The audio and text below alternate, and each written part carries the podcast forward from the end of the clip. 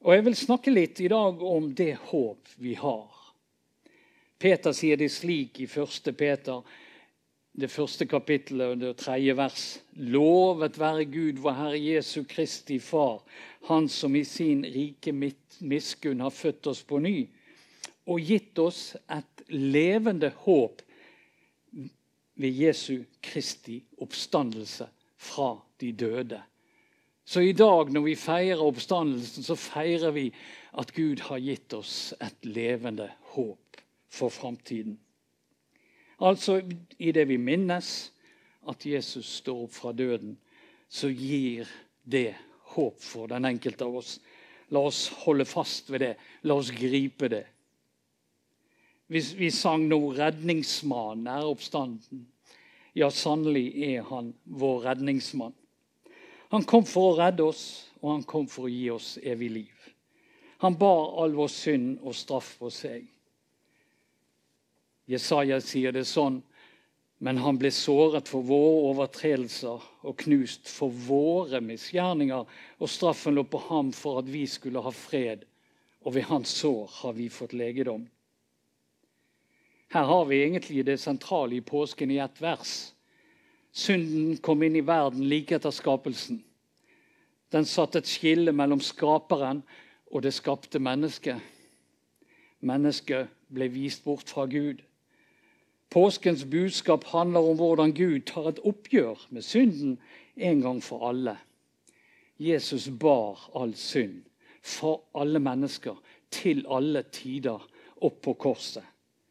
Ja, for de som har levd, for de og oss som lever nå, og de som ennå ikke har begynt på livet. Jesus ble ofret, ja, han ble knust for at vi skulle gå fri og der han henger, så bærer han, tar han straffen på seg.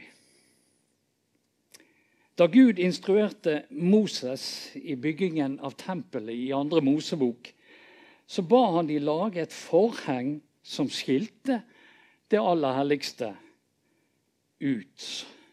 Inn i det aller helligste kunne bare øverstepresten gå én gang om året og ofre for folkets synd.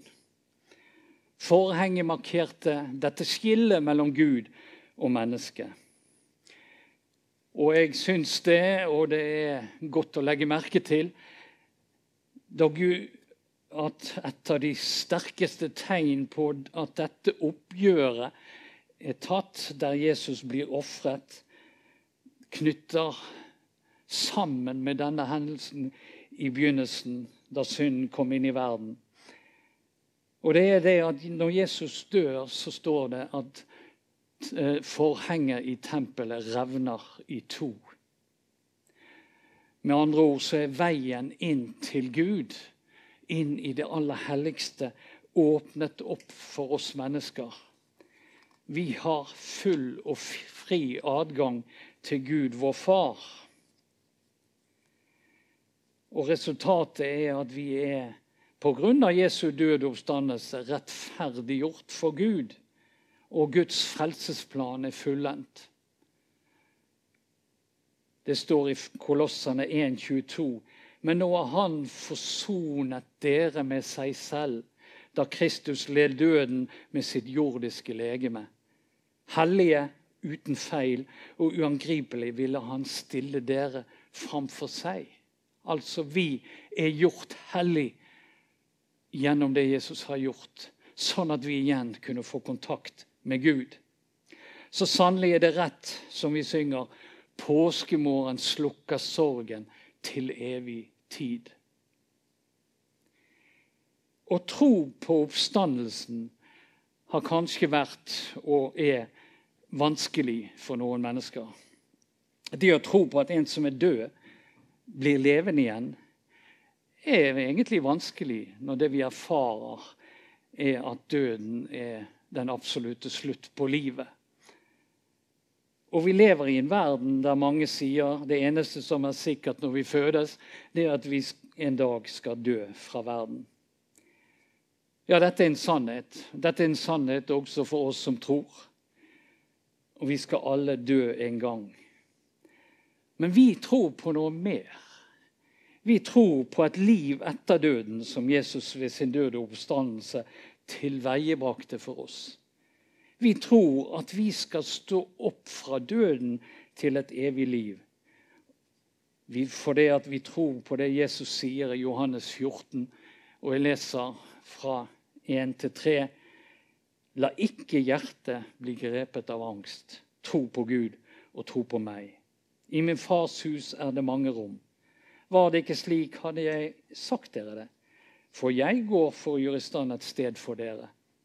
Og når jeg har gått bort og har gjort i stand et sted for dere, vil jeg komme tilbake og ta dere til meg, så dere skal være der jeg er.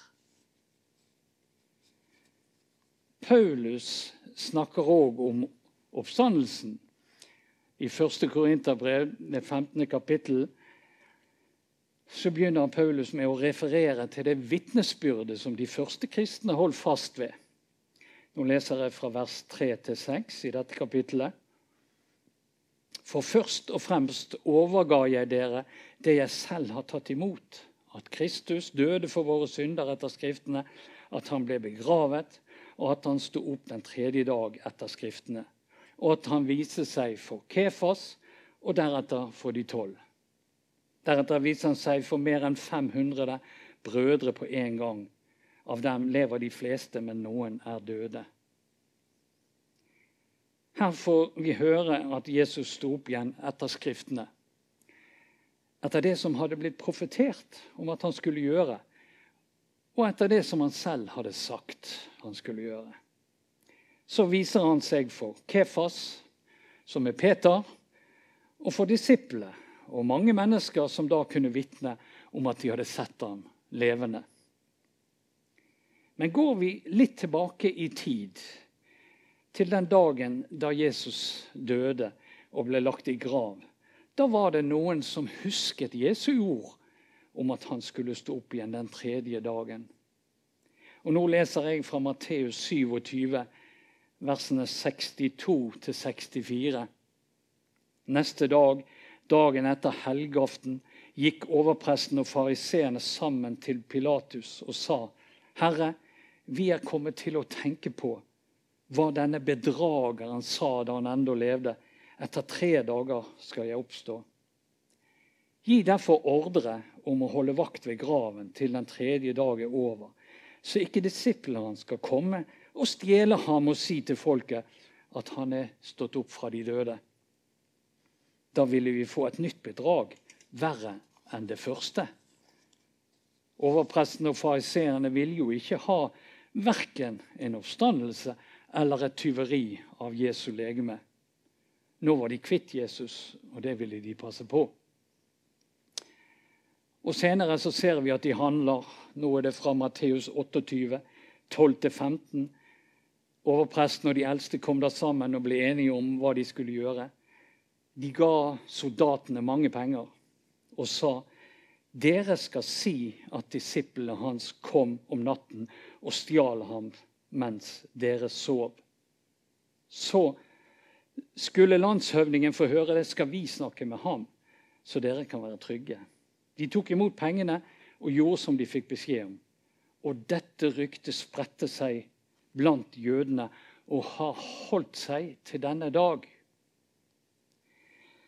De satte altså ut et ryktene ved å få soldatene til å lyge.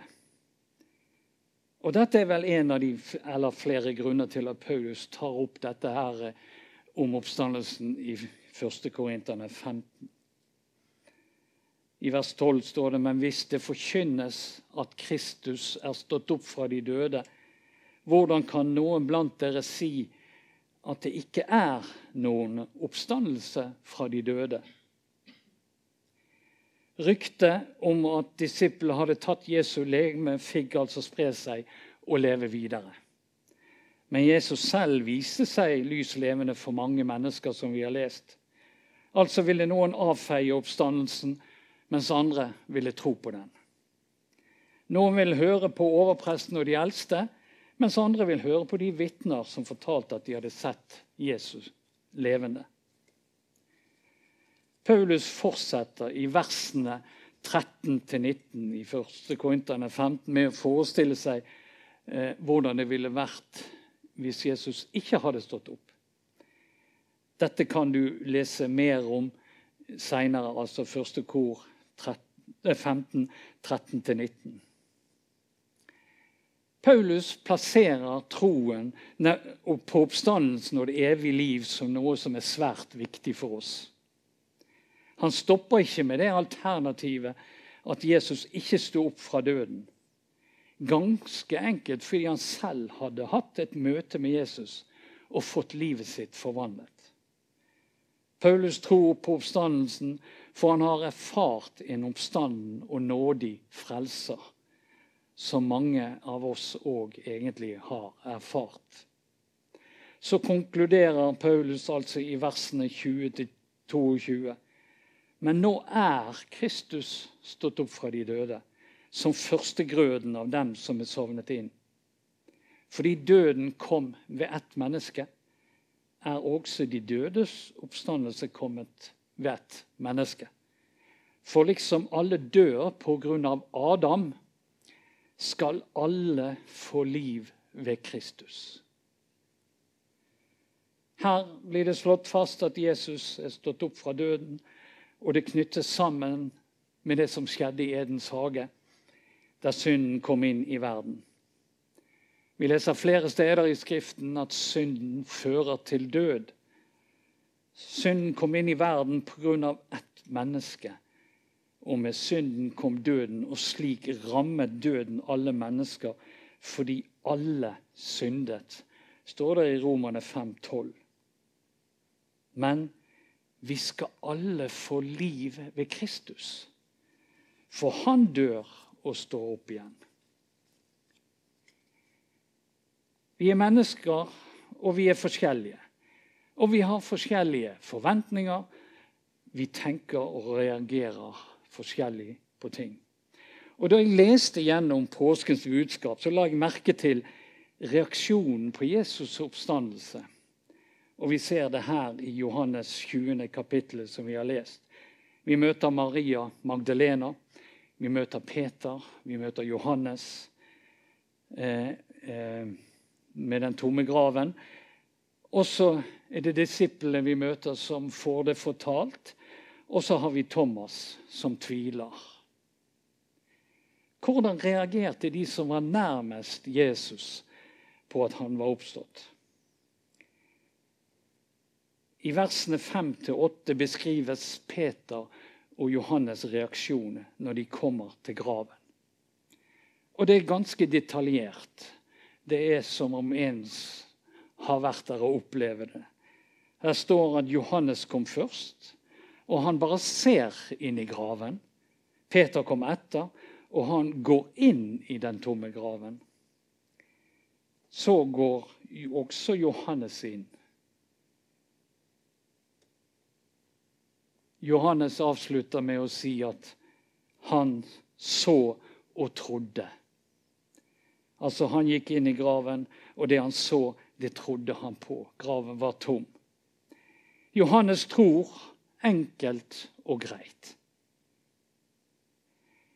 Når det gjelder Peter, så beskriver Lukas at han gikk hjem og undret seg over det som var skjedd. Dette er i Lukas 24, 12. Det er en annen reaksjon på Jesu oppstandelse. Han undret seg. Han sier ingenting, men han undrer seg, og han går hjem.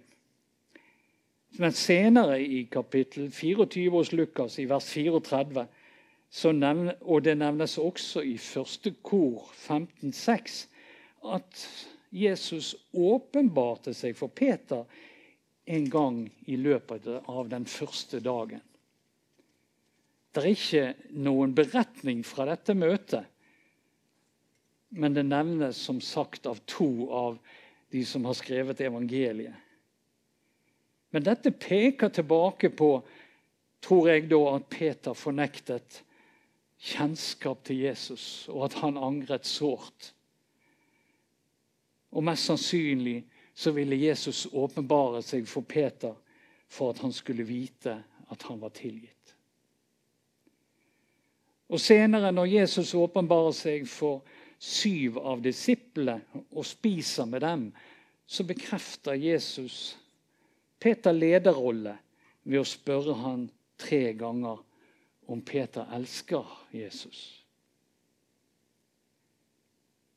Tilbake til Johannes 20, i versene 11-18, så møter vi Maria Magdalena. Og Hun blir òg et øyenvitne. Hun drar først ut til graven. Mens det ennå var mørkt, står det, dro hun ut til graven. Og Hun blir forskrekket over det hun ser, og hun løper til Peter og Johannes og forteller at stenen var tatt bort. Vi hørte så fint i den første sangen i dag fortellingen om Maria Magdalena sin opplevelse. Forteller at de hadde tatt legemet til Jesus. Hun kommer ut til graven etter at Peter og Johannes kom ut igjen, men blir værende etter at de hadde dratt hjem. Og Der er hun og sørger. Hun gråter. Og så får hun et møte med to engler eh, og Jesus, som hun først tror er gartneren. Og Da han bruker hennes navn, skjønner hun at det er Jesus, og kaller han mester. Hun ville kaste seg om halsen han og omfavne han, ser det ut som, men han ber henne ikke rør meg, sier han. Da han bruker hennes eh, Jesus ber Maria Magdalena gå og fortelle til disiplene at han skal fare opp til himmelen, til far. Er hans og deres far og til Gud. Hun gjør det, og hun forteller nok med glede at hun har sett Herren. Maria Magdalena går fra gråt ved graven til glede. Så viser Jesus seg for disiplene, først uten Thomas. Ja, Jesus han går gjennom døra for å vise seg for dem. Og som vi leste her, så fører det til glede hos disse disiplene som var samlet. De hadde stengt seg inne av frykt for jødene. Og så skjer det at åtte dager senere så kommer Jesus også gjennom døren som, som var lukket. Og da er Thomas med de der. Thomas hadde nemlig sagt at dersom jeg ikke får se naglemerket i hans hender, og får legge fingeren i det og stikke hånden i hans side, vil jeg ikke tro. Og nå står Jesus der og så viser han naglemerkene og sår i siden.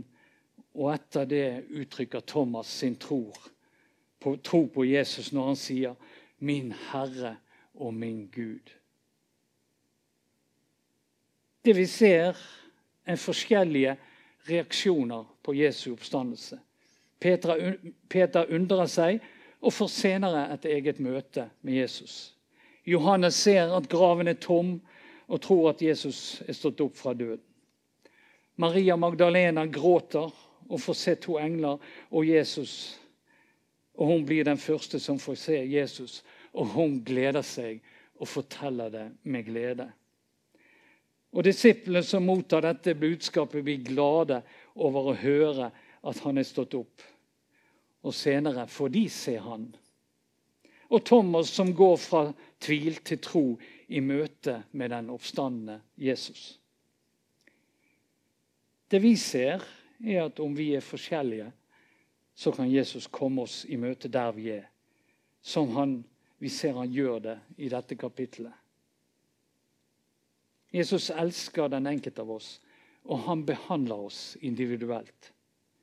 Vi har et valg, og det er å gripe tak i det løftet som gjelder for oss det som han har gitt oss.